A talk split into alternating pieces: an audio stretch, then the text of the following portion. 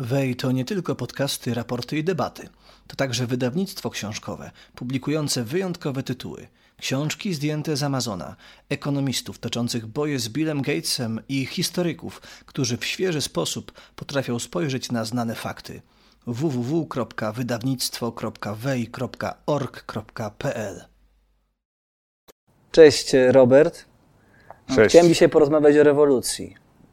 Wow. Na rynku, którym się zajmujesz, nie jako, jako teoretyk, ale jako praktyk od ilu już lat? Mam na myśli rynek pracy oczywiście. No, od 25, a może i więcej. Zjadłeś na nim zęby. Na No rynku. jeszcze nie na szczęście, ale tak, ale sporo o nim wiem, tak. No dobrze. Ostatnie dwa lata sytuacja bez precedensu. Niezwykle ciekawe zdarzenie historyczne. Nawet osoby, które przeżyły e, wojnę światową ostatnią, nie przeżyły jeszcze czegoś takiego jak pandemia. Pier, pierwsze wielkie zdarzenie też w moim życiu tak naprawdę. Była rewolucja na rynku pracy, już nigdy ludzie nie wrócą do biur, już będzie praca zdalna, takim opcją zero dla warszawskiego mordoru. Jak to będzie teraz? No, impuls do zmiany jest potężny. On, świadomie mówię w czasie mm, teraźniejszym, bo on cały czas jeszcze trwa i jeszcze, jeszcze trochę potrwa, nie? Więc, mm, więc te zmiany mm, po pierwsze są duże, po drugie są trwałe. Czyli to nie jest tak, że to jest jakieś wychylenie od normy, a potem wrócimy do starego i już wiadomo, że nie wrócimy. Mhm. Na trwałe. No, w paru ym, rzeczach ym, nie wrócimy na trwałe na pewno, dlatego że te zmiany w pewnym sensie przez rynek były oczekiwane. No, przykładem jest praca zdalna. Nie? To, y, rynek do tego dojrzewał, ale nie mógł dojrzeć, bo były bardzo silne opory przed pracą zdalną. I technologiczne, i kompetencyjne, i prawne. To tutaj chciałbym Ci zadać pytanie o to, jakiego rodzaju pracownikami Ty się zajmujesz i zajmowałeś? Zarządzaniem i, i ogarnianiem tego tak zwanego zasobu ludzkiego. Mhm. Czy to byli pracownicy biurowi właśnie głównie, czy raczej fabryczni? No, pracuję dla różnych firm. Te projekty trwają po kilka miesięcy, więc mam taki całkiem spory przekrój od bankowości, gdzie mamy do czynienia z pracownikami, no powiedzmy, biurowymi i sprzedażą, po przemysł i po handel, po logistykę, więc bardzo różne branże. Więc rzeczywiście mam do czynienia z, z ludźmi na bardzo różnych stanowiskach. No bo ta rewolucja to się odbyła raczej w odniesieniu do tych bankowców, a nie do ludzi pracujących przy taśmie produkcyjnej. Nie, nie, ona jest wszędzie, tylko ma różne formy. Rzeczywiście w bankowości ta rewolucja była o tyle istotna, że bank był taką instytucją, którą się wydawało, że się nie da ruszyć. No bo procedury bankowe, ustawy, yy, zwyczaje, pewne normy zachowania, no i się nagle okazało, że można nawet system bankowy wyprowadzić ludziom do domu. Czyli mimo tych wszystkich e, norm bezpieczeństwa, które krępowały bankowość, czy w ogóle us usługi biznesowe przed pandemią, można było oddelegować tę pracę do domu i nie było wielkiego kryzysu wycieków danych i tak dalej. To są jakby dwa aspekty. Jeden jest aspekt prawny, który uniemożliwiał na przykład bankom, ale wielu instytucjom wyprowadzenie pracy do, do, do domu, czy w ogóle pracę zdalną, bo głównie chodzi o pracę w systemie danej firmy, czy w systemie bankowym. No a drugi aspekt to jest kwestia zaufania, takiego zwykłego ludzkiego zaufania. No po prostu szefowie nie umieli zaufać, nie ufali z zasady. I to gdzieś było bardzo głęboko w ludziach. I, I pewnie te dwie rzeczy, czyli ten aspekt i prawny, i ten taki zwykły ludzki brak zaufania, by nam uniemożliwił tę zmianę jeszcze przez wiele, wiele lat. Ale rozumiem, że pandemia pokazała, że szefowie mogą ufać pracownikom, tak? Tak. W 100%. Y, To znaczy na pewno nie w 100%, ale jeśli chodzi o kwestię zaufania między pracownikiem a pracodawcą i w w obie strony, to to mamy rewolucję. To, to jest absolutna rewolucja. To nie wynika z tego, że ludzie nagle zaczęli sobie ufać, tylko że sprawdzili, że można. Kolejnym odcieniem tej pracy zdalnej, na którą pod przymusem połowa pracowników musiała pewnie przejść, była kwestia efektywności, produktywności. Niektórzy mówili, OK, teraz w tej nowoczesnej gospodarce każde stanowisko pracy jest tak dokładnie opisane i faktycznie można wykonywać zdalnie swoje zadania bez wielkiego uszczerbku dla efektywności. Ale co z tymi takimi codziennymi interakcjami pracowników, którzy przecież wpadają na różne nowe pomysły, też oddolnie, prawda? I dzięki temu zwiększają w długim okresie wydajność firmy. Dzięki temu też powstają innowacje, że ludzie na coś wpadną przez przypadek w kolejce do przysłowiowej toalety albo na dymku, prawda? Na mhm. zewnątrz paląc papierosa. No więc y, y, co z tym aspektem? Y, jakby, czy tutaj nie ma żadnej straty dla firm, że jednak ci pracownicy po prostu wykonują, co im się zleci w tej instrukcji o 16 cyk? Nie ma ich. Tak. No, badania pokazują, że na dymku rzeczywiście efektywność rośnie. E, zarówno w kwestii... A to pan żartuje, czy mówi prawdę z tymi badaniami? Nie, nie, nie, no mówię serio, tak. To znaczy ludzie, którzy chodzą na papierosa są bardziej efektywni. to wynika z dwóch rzeczy. Po pierwsze, lepiej się komunikują, no bo ten dymek to jest szansa, żeby pogadać. Mm, a po drugie, dlatego, że są jednak coś z kreatywności w tym jest. To znaczy ta, ta rozmowa, ten moment luzu, takiego oderwania się od, od bieżącej pracy daje ludziom troszeczkę mm, szansę na, na jakieś kreatywniejsze podejście do tej pracy, nie? spojrzenie krytycznie. Więc y, to a propos dymka. Natomiast jeśli chodzi o mm, kwestię produktywności czy efektywności pracy, no to to był główny problem zaufania, bo my, to nie o to chodzi, że pracodawcy nie mieli zaufania do pracowników, że pracownik ich oszuka. Mieli problem z efektywnością, to znaczy nie wierzyli w to, że ktoś, kto pracuje w domu, to będzie równie efektywny jak pracy. No i tu jest totalne zdziwienie. To kompletne zaskoczenie dla wszystkich. Efektywność nie tylko nie spadła, ale rośnie. I mało tego, ma dalej szansę wzrostową. No i teraz jakby to tak nie naukowo, tylko tak, że tak po ludzku wyjaśnić, jakie są przyczyny, że ta efektywność rośnie. Po pierwsze rośnie z takich bardzo prostych powodów, to znaczy mniej czasu tracimy na dojazd, na załatwianie różnych rzeczy, nawet na zrobienie kawy w domu się zużywa mniej czasu niż, niż w pracy. Mhm. Po drugie, e, przy pracy zdalnej, czyli z domu, czy z jakiegoś miejsca e, poza biurem, pracuje się e, w tym sensie efektywnie, że się mniej czasu marnuje na takie jakieś przejścia, pogawędki, interakcje, która może w pewnych zawodach jest cenna, no ale jednak człowiek się bardziej koncentruje na konkretnej pracy. To, to samo jeśli chodzi o taką komunikację zdalną, typu jakiś tam Teams, Skype, czy kto na czym tam pracuje. Myślę, że każdy z nas się przekonał, że zaczynamy spotkania punktualnie, co nie było wcześniej normą. Kończymy je punktualnie, e, są krótsze i agenda jest bardziej zwarta, bo, e, bo e, przy tym się trudno się rozgadać, trudno się roz, roz, rozprężyć. Wszyscy się koncentrują na ekranie i na, na temacie. Więc efektywność w, w, z takich powodów technicznych bardzo wzrosła. Co nie Jak to się mierzy? Znaczy, gdzie to można zmierzyć? Gdzie to, w których branżach to widać i można powiedzieć, że ta efektywność naprawdę wzrosła? Myślę, że to trzeba pomierzyć, tylko nie będzie to takie proste z dwóch powodów. Po pierwsze, dlatego, że mm, że będziemy musieli złapać tą, tą nową rzeczywistość i ją porównać do, do starej, a już starej nie będzie. No będziemy mogli porównywać pracowników, którzy pracują zdalnie i tych, którzy nie pracują zdalnie, albo tych samych, którzy pracują zdalnie, albo nie pracują zdalnie. Nie, nie będzie to takie proste i to trochę czasu nam zajmie. Więc nie mamy tych. Czyli na razie to trochę nie, taka intuicja, nie, że nie. wzrosła. Intuicja, ale taka poparta, powiedziałbym, taką wiedzą powszechną. No, mhm. Dużo rozmawiamy z różnymi ludźmi, pytamy się. Ja bardzo często pytam klientów czy jakichś y, pracodawców, z którymi rozmawiam, pytam się, no jak tam z efektywnością. No generalnie wszyscy mówią tak, że uważają, że wzrosła. Nie wszędzie i to nie dotyczy każdej osoby, bo niektórym osobom jest, niektórym ludziom jest po prostu bardzo trudno pracować mhm. w domu ale generalnie wzrosła i co ważniejsze, jest szansa, że ona będzie dalej rosnąć. A co ludzie po tych dwóch latach pracy zdalnej deklarują? Mam na myśli pracowników, że chcą nadal kontynuować tego rodzaju bardzo formy różnie, zatrudnienia? Bardzo różnie. A co dominuje? Jaka postawa dominuje? Y, trudno powiedzieć właśnie, dlatego że są ludzie, którzy mówią, nie, nie, ja chcę pracować w biurze, bo ja w domu nie mam warunków, albo w biurze mam lepsze, lepiej mi się pracuje. Wolę się oderwać, wolę podzielić to życie swoje na prywatne i zawodowe. Trudno powiedzieć, jakie to są procenty, dlatego że nie ma takich badań przekrojowych. Mhm. No i są tacy, i chyba tych jest najwięcej, którzy uważają, że fajne jest połączenie jednego z drugim. Mhm. I e, wygląda na to, że to jest przyszłość, dlatego że mamy szansę wtedy pozytywy jednej i drugiej, e, jednego i drugiego trybu pracy złapać. Czyli z jednej strony zdalnie pracuje się efektywniej, szybciej, ale z drugiej strony ta komunikacja bezpośrednia, te spotkania są inspirujące, szczególnie na tych stanowiskach, gdzie potrzebujemy się dobrze komunikować. No to może to będzie dotyczyć kreatywni. właśnie tylko tych, nie wiem, szefów zespołów jakichś, tak, e, tej wierchuszki firmowej, a reszta będzie na zdalnej, bo ja tak patrzę na to, co robią te największe korporacje, te międzynarodowe korporacje zatrudniające mnóstwo osób w charakterze nie wiem, obsługi transakcyjnej, obsługi klienta i tak dalej, i tak dalej, no to w najmniejszym stopniu nie zachęcają swoich pracowników do pojawiania się w biurze.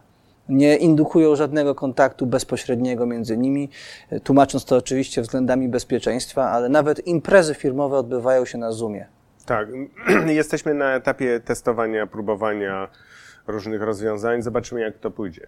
Raczej, e, raczej gdzieś wejdziemy w jakiś taki tryb hybrydowy, gdzie w zależności od tego, co to za stanowisko, co to za firma, jaka kultura pracy, jakie tematy, jaki okres, nie wiem, czy sezon, czy, nie, czy wysoki, czy niski, to będziemy inaczej pracować i to będzie normalne, że czasem jesteśmy w domu, czasem jesteśmy w biurze, a czasem jesteśmy jeszcze gdzieś indziej.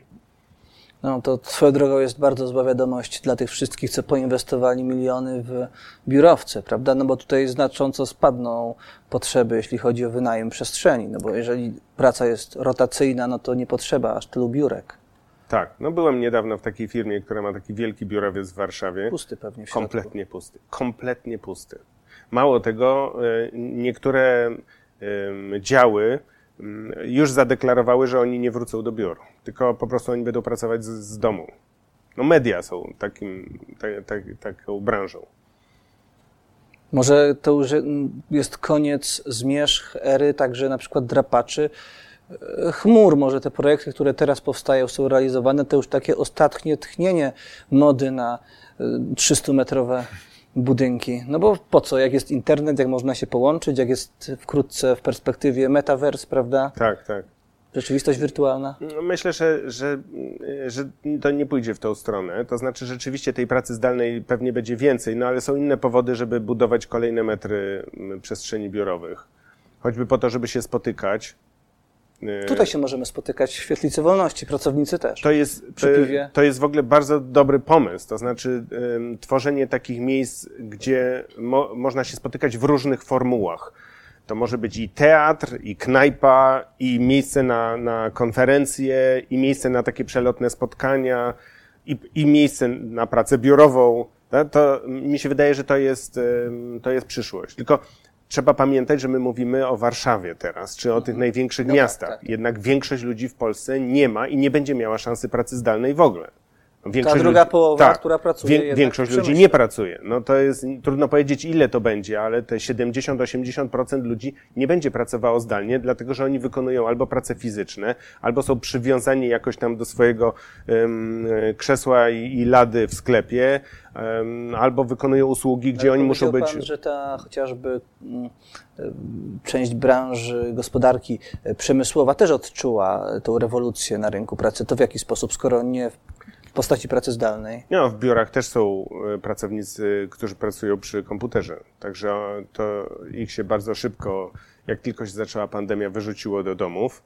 E, no i część wróciła, a część nie wróci. Czyli zdalnie jest kontrolowana tak, produkcja. Tak, tak. Jak najbardziej. No, produkcję bez problemu można kontrolować zdalnie. Ona zawsze była kontrolowana zdalnie, bo mhm. przecież ci ludzie, którzy zarządzają produkcją czy kontrolują po, w sensie informatycznym, no to oni nie siedzieli na hali fabrycznej, tylko siedzieli gdzieś tam w biurach. No ale właśnie to jest kolejny aspekt i tutaj wielu wróżyło, że pandemia przyspieszy tę robotyzację, automatyzację, że przy taśmach będzie coraz mniej fizycznie ludzi stało, że właśnie będzie coraz więcej tych operatorów z za komputera taśmy produkcyjnych, tych kontrolerów produkcji z, wirtualnych.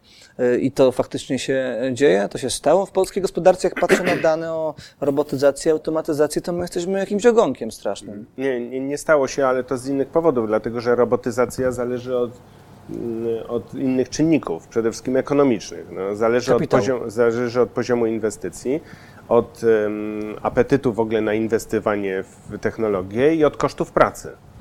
Więc e, ponieważ to się nie zmieniło, a nawet bym powiedział się zmieniło na gorsze, dlatego że pandemia i y, lockdown spowodował, że ludzie zaczęli gromadzić pieniądze, a nie wydawać, więc y, poziom inwestycji spadł. Koszty pracy nie wzrosły, a nawet być może spadły. W związku z tym powody do inwestowania w zmiany technologiczne, w automatyzację były słabe. Teraz się pojawiają. Bo? Bo kończy się lockdown, kończy się pandemia, firmy mają pieniądze i muszą wreszcie zacząć je wydawać. Więc teraz będzie duży impuls do tego, żeby inwestować w technologię. Tym bardziej, że jest lekka panika, słabo uzasadniona, ale jest lekka panika z powodu braku dostępności pracowników i wzrostu wynagrodzeń.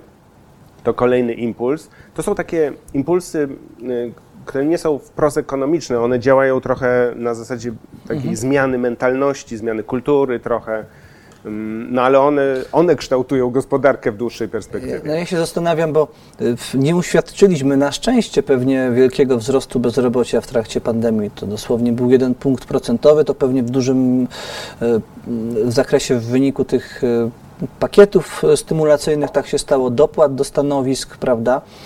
Ale pan teraz mówi, że y, proces robotyzacji, automatyzacji, ten, którym tak wielu nas straszy, że on będzie zabierał ludziom pracę, on teraz przyspiesza. I teraz pytanie jest takie, czy tak patrząc właśnie wstecz, nie byłoby lepiej jednak, gdyby w tej pandemii pozwolono niektórym tym miejscom pracy się zlikwidować i dano impuls y, pracownikom do na przykład przekwalifikowania się, pod kątem właśnie tych zmian, które teraz przyspieszają. No bo jeżeli my przez ostatnie dwa lata na przykład utrzymywaliśmy miejsca pracy, które i tak były skazane na automatyzację w 2022, 2023 i tak dalej, no to może wyświadczaliśmy w ten sposób jako państwo niedźwiedziom przysługę niektórym ludziom. Jak pan to widzi? No pan pracuje też z tymi ludźmi z tych branż, więc pewnie ma pan jakiś tutaj Wzrost pogląd. bezrobocia jest słabym impulsem do przebranżawiania. Impulsem do przebranżawiania jest, y, ym, jest takie poczucie wśród y, pracowników, czyli wśród ludzi ogólnie, że pracę jest łatwo zmienić, że można ją zmienić, że, że, że stać nas na to, żeby zmienić, no? bo to też są takie aspekty. Generalnie ludzi stać na zmianę pracy w tej chwili. Bardzo wzrosło poczucie, że można zmienić i że, że to nie jest jakieś wielkie ryzyko zmienić pracę i zaczął się ruch na rynku. I to nie, ten ruch nie jest spowodowany ani bezrobociem, bo ono rzeczywiście w zasadzie nie wzrosło. Ono tam minimalnie wzrosło o 1%, a teraz maleje. Więc w zasadzie możemy powiedzieć, że bezrobocie jakie było niskie, tak i dalej jest, bo 6% czy 5% to są, to są bardzo niskie wskaźniki bezrobocia. Zamożność społeczeństwa jest na całkiem niezłym poziomie. Mm, W związku z tym ludzie postanowili żyć bardziej komfortowo, zmieniać pracę. No i to spowodowało to, co niektórzy nazywają, moim zdaniem, trochę błędnie rynkiem pracownika. I to jest impuls do tego, żeby się przebranżawiać. A na ile my teraz mówimy właśnie o tych największych ośrodkach, y, a na ile to, co Pan mówi, dotyczy rejonów takich jak na przykład gdzieś odległe Podkarpacie, nie Rzeszów, Rzesz, czy taka mm, Rzeszowszczyzna, tylko gdzieś dalej, tak? gdzieś w okolice, w stronę Leska, w stronę Bieszczad. Y, Tam są różne małe zakłady pracy, albo nawet trochę większe, rozsiane, gdzie niegdzie, zatrudniające po kilkadziesiąt, po kilkaset osób e, i wypłacające im pensję e, minimalną. Tam też jest rynek pracownika? Ja w ogóle nie jestem przekonany, czy ten termin rynek pracownika jest trafny. Znaczy, no, używamy go umownie Ale, tutaj, u, ale gdzieś on funkcjonuje. Mm, Tak wkradł się i, i teraz trochę buduje błędne wyobrażenie o, Mhm. o rynku.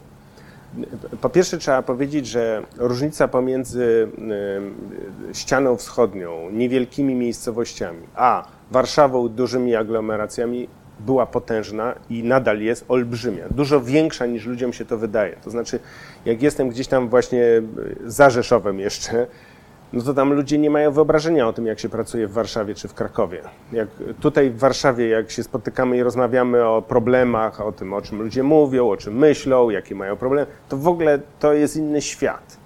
Więc, więc to jest przepaść. I ta, ta olbrzymia różnica i w sposobie myślenia, i w podejściu do pracy, i w podejściu do pracownika, ona będzie coraz mniejsza.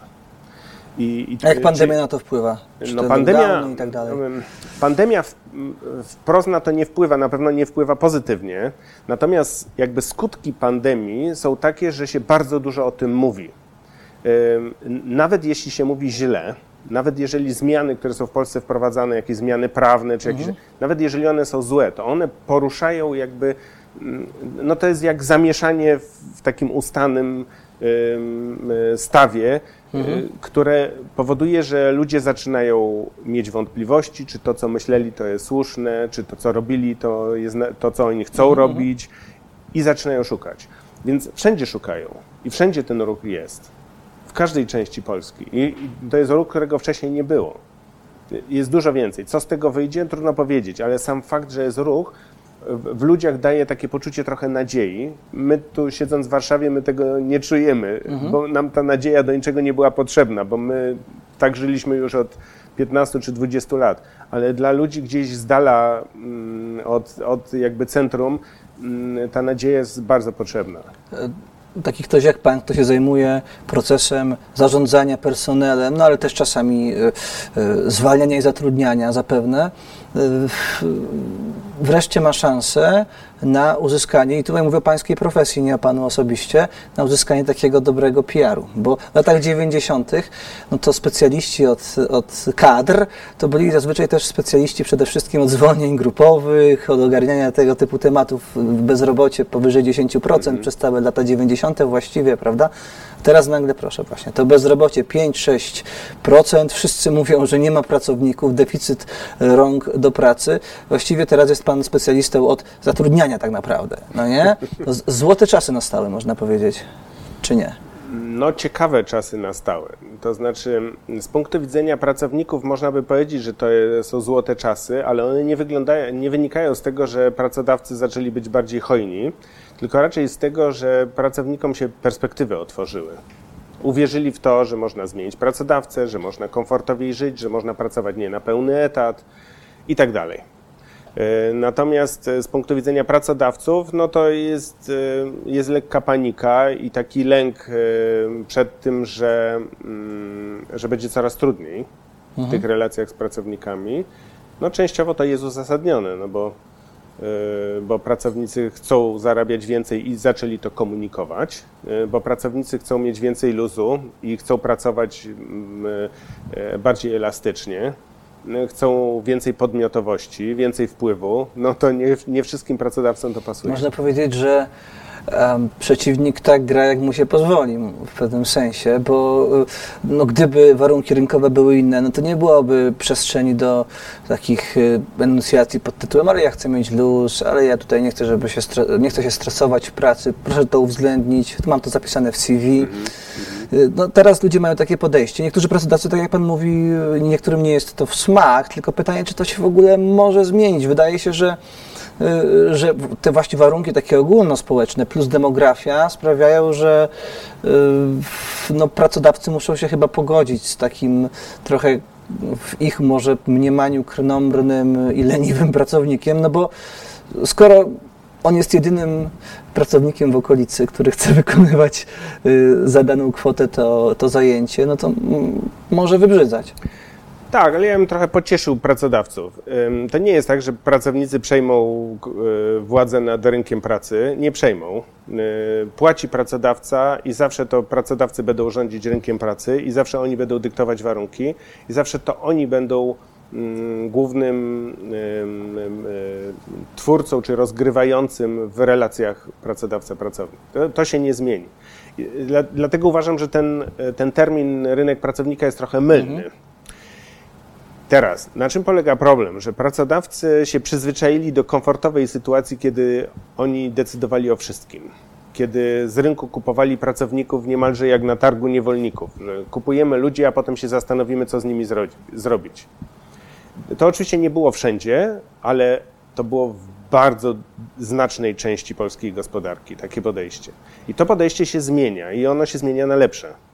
Dlatego nie, to nie jest tak, że to pracownicy teraz przejmują władzę, tylko po prostu jest trochę więcej równowagi. My naturalnie weszliśmy w taki e, sposób e, rozmowy, gdzie mamy dwie e, strony o sprzecznych interesach, czyli pracowników i pracodawców, mówimy o jakiejś równowadze, o przeciwnikach i tak dalej a to jest właściwa perspektywa na relacje pracodawców i pracowników.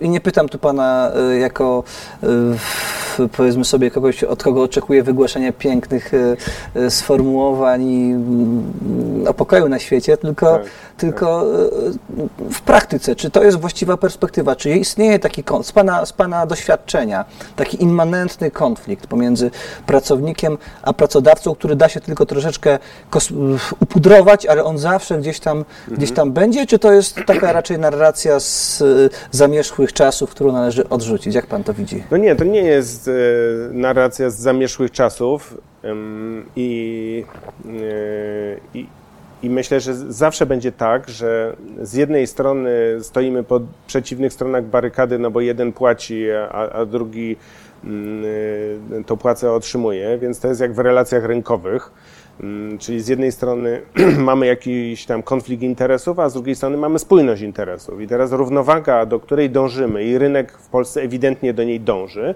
polega na tym, że ta y, spójność interesów jest równo, równoważy tą sprzeczność interesów. Czyli my się spotykamy i negocjujemy warunki pracy, to znaczy i wynagrodzenie, i treść, czy zadania, mhm. a z drugiej strony robimy coś wspólnie razem, co, co daje nam jednej i drugiej stronie satysfakcję, radość z tego, że coś się sensownego zrobiło, poczucie spełnienia i tak dalej.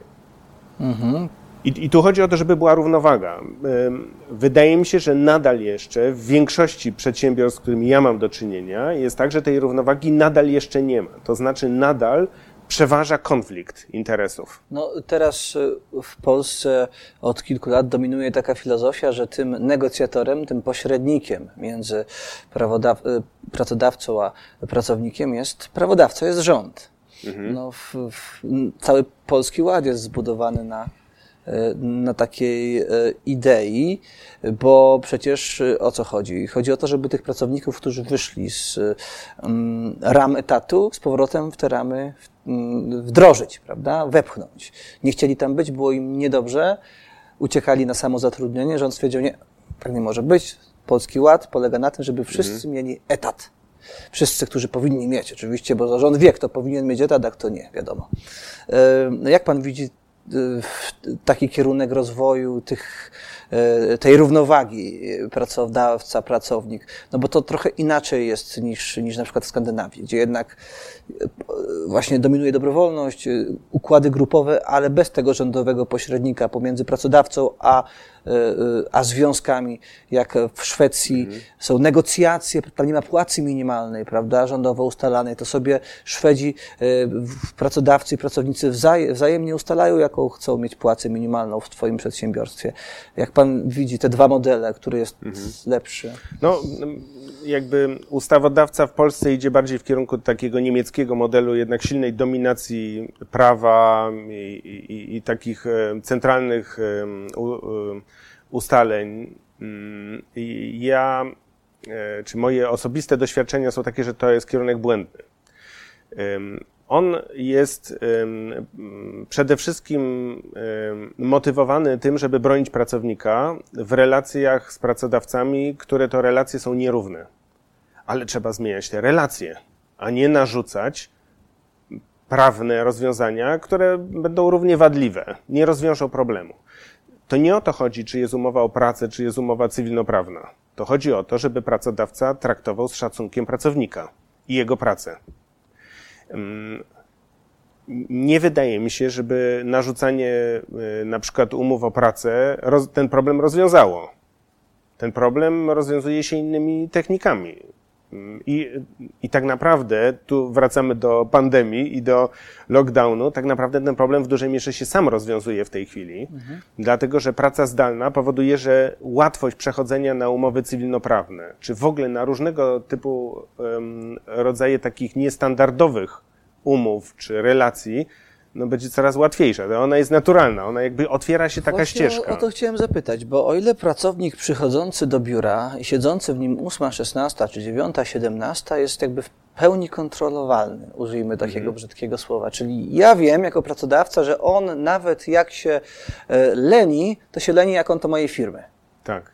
Natomiast e, jak ktoś pracuje z domu, nie wiem, obsługuje księgowość w jakiejś firmie zdalnie, jest tam zatrudniony normalnie w dziale księgowym, On obsługuje sobie tę księgowość i ma, nie wiem, 30 minut wolnego. Dzwoni klient prywatnie, on obsługuje w czasie pracy prywatnego klienta. Potem ma znowu chwilę przerwy w ramach tego niby etatowego, ośmiogodzinnego Tak, czasu pracy i też wykorzystuje te chwile przerwy na jakieś czynności prywatne albo zarobkowe w ramach nawet innego stosunku pracy z innym podmiotem. I teraz pytanie takie, czy to jest patologia pandemiczna, która może się rozrosnąć, czy to jest właśnie ta, ten kierunek ewolucji, że już takie sztywne unormowanie pracy, że on pracuje 8 godzin dla mnie, mimo że jest zdalnie i właściwie nie mogę go obserwować, co on tam tak naprawdę robi w sensie fizycznym. E, t- Czy, czy, czy, czy to jest może właśnie ten kierunek e, pożądany, w którym to powinno ewoluować? Nie, on to jest ewidentnie kierunek pożądany. On jest oczywiście bardziej pożądany przez pracowników niż przez pracodawców, ale no popatrzmy na to z punktu widzenia takiego biznesowego. E, Ja na zajęcia, które prowadzę z e, MBA, e, pytam się tak mniej więcej od roku, co słuchacze uważają na temat efektywności pracy. Są dwie kategorie odpowiedzi. Albo, że wzrosła, albo, że jeszcze nie wiedzą, ale chyba wzrosła. Nie, nie spotykam się z ludźmi, którzy mówią, że im spadła efektywność z powodu tego, że ich pracownicy są na pracy zdalnej. Czyli nawet jeżeli ktoś sobie w domu załatwia w tym samym czasie wakacje, e, robi sobie przerwę, bo ma akurat taką ochotę albo potrzebę jakąś domową, albo załatwia jakieś prywatne rzeczy, to się okazuje, że to nie obniża efektywności biurze pracy. by to często nie przeszło. Jakby pracodawca zobaczył, że ktoś je- przegląda oferty last minute w trakcie, w- od, nie wiem, o 12 przed przerwą lunchową, no to... Tak, ale jest drugi mechanizm, który jest silniejszy. Mechanizm polega na tym, że jak jestem w pracy i nic nie robię, to jestem legitymizowany. Byłem od 8 do 16, jesteśmy kwita z pracodawcą. W domu już takie tłumaczenie nie działa. W domu trzeba coś zrobić, bo jak nie, to realnie nie ma mnie w pracy, nie zrobiłem czegoś. Jednak to poczucie obowiązku w ludziach jest znacznie silniejsze niż pracodawcom się wydaje. I ono działa dużo lepiej niż takie, takie, mm, e, taka uczciwość wynikająca z tego, że ja sobie tam nie załatwię czegoś w pracy. No właśnie, czyli jakby mamy taki proces wzajemnego poznawania się dzięki temu kryzysowemu zjawisku, jakim jest pandemia. Yy, I mamy też właśnie legislatora, który dzierży, nie wiem ile ma, ze 180 stron chyba kodeks yy, pracy ma, tak? Yy, Wydaje mi się, że dosyć sporo. Może to należy w ogóle dążyć do odchudzenia albo nawet likwidacji, że jednak y, świat przyszłości to świat dobrowolnych stosunków pracy, świadomych pracowników, świadomych pracodawców, a nie e, e, świat jakichś knik ustawowych. No, kodeks pracy, pomimo tych zmian, które się ciągle tam dzieją i o których mówimy nawet dzisiaj rano, e, to jest stare rupieć. I on generalnie nie bardzo przystaje do tej rzeczywistości, którą my zaczynamy widzieć i, kreować, czy ona się sama kreuje, bo e, ona jest spowodowana e, pandemią, lockdownem i różnymi innymi pochodnymi zjawiskami. Trzeba będzie go przepisać. E, I jeżeli ustawodawca tego nie zrobi, a pewnie tego nie zrobi, no to życie napisze nowy kodeks pracy. E, No ale tak jest w systemach prawnych wszędzie na świecie. Jak że się to- zachowuje, tak y, w- tutaj wtrącę, póki pamiętam pytanie, Państwowa Inspekcja Pracy w trakcie y, pandemii? No bo kodeks pracy, zakładam, był wielokrotnie naruszany, ponieważ te nowe formy, które Tak. tutaj y, rozkwitły, są przez niego nieuwzględniane. Więc jakby, czy tutaj były jakieś y, ruchy, czy raczej po prostu st- Mhm. no, kodeks pracy staje się po prostu martwym zapisem? E, No, żeby tak ten, do tego kodeksu się na razie nie przyczepiać, bo, bo to. Em, Moje doświadczenia są takie, że Państwowa Inspekcja Pracy zachowuje się bardzo w porządku. To znaczy, w porządku, teraz myślę z punktu widzenia pracodawców bardziej, to znaczy, przymyka oko, mówiąc takim językiem potocznym, w sytuacjach, w których rzeczywiście nie ma uzasadnienia i w których to nie ma sensu po prostu. Yy, To dotyczy nie tylko inspekcji pracy, to dotyczy też urzędów skarbowych, bo przecież mamy też kwestie skarbowe. Więc mm, m, muszę powiedzieć, że ja z dużym szacunkiem patrzę na to, co robią urzędy, które przychodzą, wiedzą, ale nie reagują, bo wiedzą, że jak zareagują, to będzie źle dla wszystkich. I nikt na tym nie zyska ani państwo, ani pracodawca, ani pracownik. No, jesteśmy w takiej sytuacji, że mamy bardzo dużo mm, takich, e, nazwijmy to niemalże formalnych wykroczeń albo takiego balansowania na granicy prawa. No bo na przykład musimy ludziom udostępnić do domu rzeczy, których nie powinniśmy, mm, dlatego że pozwalamy im robić rzeczy, których normalnie nie powinniśmy pozwolić, no ale nie ma innego wyjścia i tak dalej nie kontrolujemy czasu pracy, albo kontrolujemy go nie tak jak potrzeba i tak dalej. Więc, więc... No ewidencjonowanie tak. czasu pracy chyba to już zupełnie jest fikcja w tym momencie. Znaczy, kodeks pracy nie wymaga ewidencjonowania czasu pracy. To pracodawcom wielu w Polsce się tak wydaje, ale nie ma takiego prawnego obowiązku. Jest obowiązek rejestrowania tak zwanej negatywnej, czy negatywnego czasu, czyli nieobecności. Obecności nie trzeba, mm, zgodnie z polskim kodeksem, rejestrować. No, wielu pracodawców po prostu z tego zrezygnowało i nagle się okazało, że nie ma problemu. A co z takimi sytuacjami, jak ktoś, kto mm, pracuje zdalnie, ma telefon e, przy uchu i rozmawia na sprawy e, o sprawach zawodowych, jednocześnie e, gotuje mm, zupę, ta zupa się na niego wylewa, ten jest poparzony i zakładam, że jak mamy miliony osób na pracy zdalnej, no to takich przypadków już musiało przez te dwa lata trochę być. Co się wtedy dzieje? Tak. Bo jak to się stanie w miejscu pracy, to w miarę wiadomo, co się mhm. później wydarzy. Tak. No jesteśmy w okresie przejściowym I, i dlatego mówię, że nie tylko kodeks pracy to już jest stare rupiecie, ale bardzo wiele innych przepisów, takich choćby związanych z bezpieczeństwem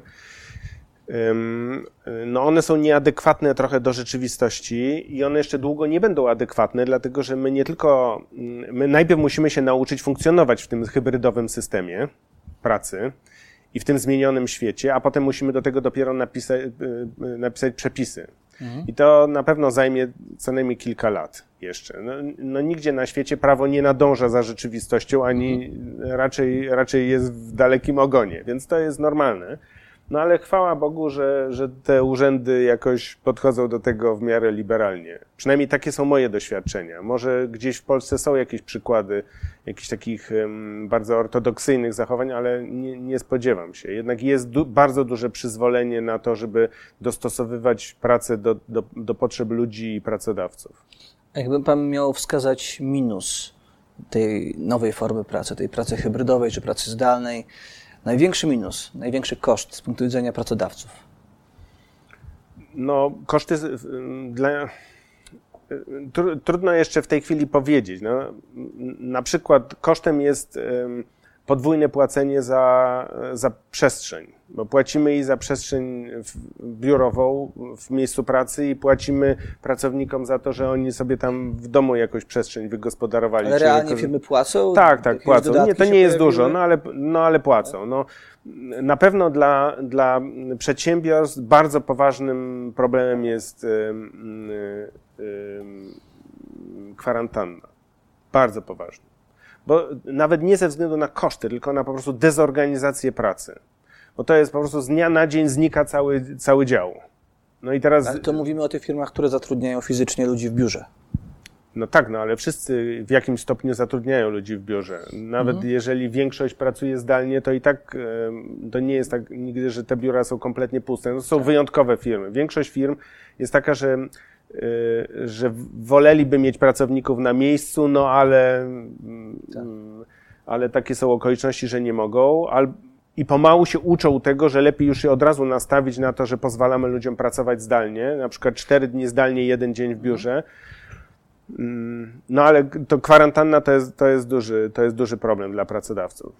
Y, tak myślę o tym, jakie wady niesie w sobie praca zdalna no, y, na, na pewno ta interakcja bezpośrednia, ona jest istotna dla, na stanowiskach twórczych, projektowych, zarządczych też trochę, szczególnie na stanowiskach takich związanych z nadzorem. No ale to, jest, to się wszystko zmieni, bo to, tak jak mówię, my jesteśmy w okresie takiej, takiego trochę zamieszania, próbowania, testowania, to się będzie układać. W ciągu, bardzo szybko się to będzie układać, bo pracodawcy bardzo szybko się zorientują, co, co jest lepiej, co jest gorzej, którzy pracownicy chcą, którzy nie chcą i tak dalej. Jakby Pan miał tak spojrzeć już naprawdę futurystycznie na rynek pracy i na to, jak to wszystko się rozwija, to nie dostrzega Pan takiego kierunku matrixowego? Że właśnie wszyscy się pozamykają w tych swoich domach, będą tam pracować zdalnie yy, i robić wszystko, co tylko można yy, w tej rzeczywistości yy, internetowej, że tak to ujmę, i to będzie postępować, tak? Teraz mamy ideę metaversum właśnie Zuckerberga, może te biura fizyczne będą odtwarzane w jakiejś rzeczywistości wirtualnej, żeby na przykład zwiększyć jakieś więzi między pracownikami, więc on będzie siedział przy biurku domowym, ale będzie oglądał się dookoła i będzie miał tam tych pracowników, swoich kolegów z działu. Może to wszystko będzie taki, y, może to jest zaczątek takiego, y, takiego Matrixa. Jak pan to, to dotyczy w sumie niewielkiej ilości ludzi. Do, tutaj, jak siedzimy sobie w Warszawie, to, to się nam wydaje, że to jest dosyć powszechne, ale nie, to dalej mówimy o kilkunastu procentach y, pracowników może przejściowo dwudziestu paru, mhm. Ale na pewno część ludzi wróci do biur. Na pewno pracodawcy trochę będą presję stwarzali na jednak pracę biurową i taką zespołową. I, I wydaje mi się, że świat pójdzie w stronę takiej hybrydowej pracy, czyli trochę zdalnie, trochę e, e, fizycznej obecności. Ale a propos tych rąk do pracy, których nam brakuje, no to te z kolei są wyciągane przez gospodarki e, z zachodu. Eksperci, profesjonaliści pewnie wyjeżdżają. Przynajmniej tak było przez wiele, wiele lat. I tutaj pan obserwuje jakieś, jakieś zmiany, jeżeli chodzi o tych zarządzających, to jak to w Polsce jest? Mamy odpowiednią liczbę specjalistów, kadry? Tak, po pierwsze, my mamy w Polsce nadmiar kompetencji. Ale to, formalnych. Że, tak, nie, ma, mamy nadmiar kompetencji w sensie umiejętności. To znaczy, jak, jakby spytać przeciętnego pracownika w Polsce, czy jego umiejętności i potencjał jest wykorzystywany przez pracodawcę, to powie, że nie. Czyli, że ludzie mają większy potencjał, większe umiejętności niż to jest wykorzystywane w pracy. Pracodawcy zwykle bardzo dużo wymagają przy rekrutacji, a potem bardzo mało w realnej rzeczywistości. Czyli nam nie brakuje fachowców. My mamy nadmiar fachowców. Mówię statystycznie, bo w pewnych wybranych miejscach okazuje się, że brakuje kogoś, kto się na czymś tam zna. Ale statystycznie rzecz biorąc, gospodarka polska dysponuje nadmiarem kompetencji i dlatego je eksportuje.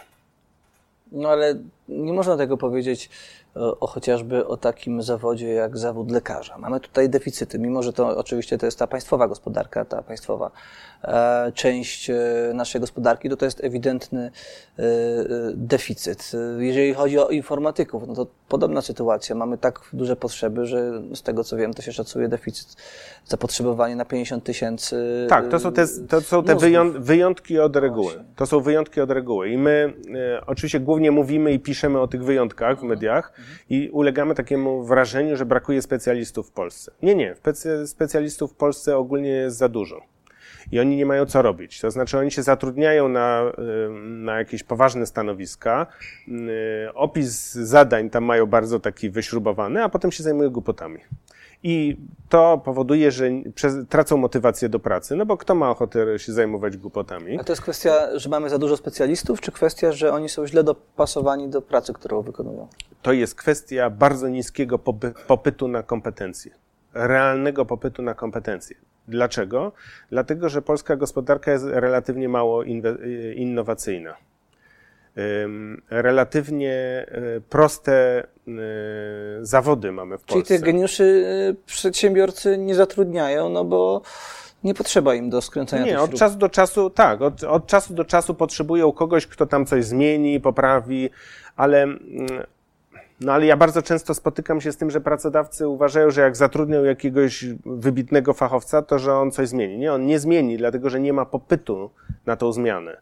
To znaczy, to jest tak, że firma musi coś tworzyć kreatywnego, musi, musi to coś umieć sprzedać, musi to coś umieć wdrożyć. Co z tego, że my zatrudnimy ludzi z wysokimi kwalifikacjami, oni nic nie zrobią, no bo, bo ich kwalifikacje, ich motywacja, ich kreatywność nie będzie wykorzystana. To jest, A to co jest, jest przyczyną? Bo to tak, ta diagnoza, okej, okay, może prawdziwa, ale co jest wobec tego jej przyczyną? A przyczyną jest to, że, że generalnie polska gospodarka jest y, y, oparta na dosyć prostej produkcji, prostych usługach. Y, zapotrzebowanie rynku na zaawansowane technologie jest bardzo małe. No nie, nie ma popytu na jakby na, na kreatywność. Trzeba poczekać. Tak, trzeba poczekać, trzeba pomału, ta gospodarka będzie się przestawiać na, na bardziej zaawansowane technologie, będzie się poprawiać y, y, produktywność poprzez zmiany technologiczne, poprzez lepszą organizację pracy, no i może będziemy wchodzić w jakąś ciekawszą produkcję i ciekawsze usługi, które na razie są zarezerwowane dla firm niemieckich czy w ogóle Ma zagranicznych. Pan jakieś to takie pytanie na koniec?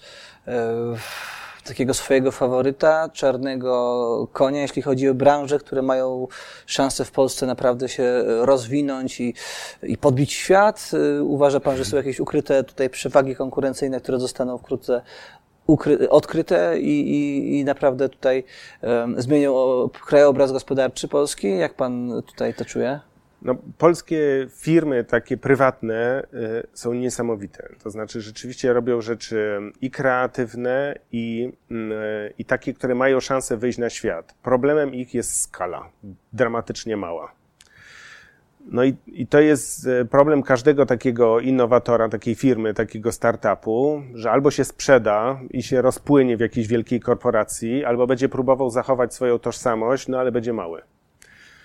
Także, Czyli połączenie ze światem jest ważne, tak, żeby jednak te nie, to, to tylko połączenie ze światem. To jest w ogóle warunek, no bo jeżeli, jeżeli mamy coś zrobić kreatywnego i takiego na dużą skalę, no nie chcę tutaj po, po nazwach wymieniać, ale jest cała masa polskich startupów na przykład, które robią fantastyczne rzeczy, firm, które produkują fantastyczne rzeczy na potrzeby rynku zachodniego, ich w ogóle ich w ogóle tu w Polsce nie widać i my ich nie zobaczymy, bo nie mamy potrzeby ich widzieć, bo oni produkują na te rynki najbardziej innowacyjne. Oni produkują coś dla przemysłu samochodowego, lotniczego, mm, dla mm, energetyki, pomysły powstają tu nawet dla przemysłu kosmicznego, mm, czy dla rozrywkowego. To... No, w Polsce chyba startupy mają łatwiej, bo tam jest dużo tych górali, którzy przywozili kapitał z USA. W Nowym Sączu, prawda, całe zagłębie miliarderów, to tak. może tam łatwo jakąś taką nieformalną pożyczkę. Może, tylko na, to nie o takim kapitale mówimy. No, żeby wypłynąć na świat, no to trzeba mieć miliardy nie złotych, tylko euro albo dolarów. Więc to mówimy jakby o innym kapitale, nie? żeby zaistnieć e, w świecie, żeby, żeby stawiać, budować fabryki pod, pod swój pomysł, no to trzeba mieć duży kapitał bardzo, no albo, albo dać się niestety rozpłynąć jakiejś dużej korporacji. To nie, to ja wolę miliardy złotych, euro i dolarów, także tego sobie wszyscy życzymy. Dzięki tak, wielkie tak. za rozmowę. Dziękuję, dziękuję też. A jeśli podobał Wam się ten wywiad, zasubskrybujcie nasz kanał i obserwujcie, bo co tydzień o 19 we wtorek wlatują kolejne rozmowy. Każdą z nich przeprowadzam tutaj w Świetlicy Wolności. To chyba najbardziej wolnościowy lokal w Warszawie, jeśli nie w całej Polsce.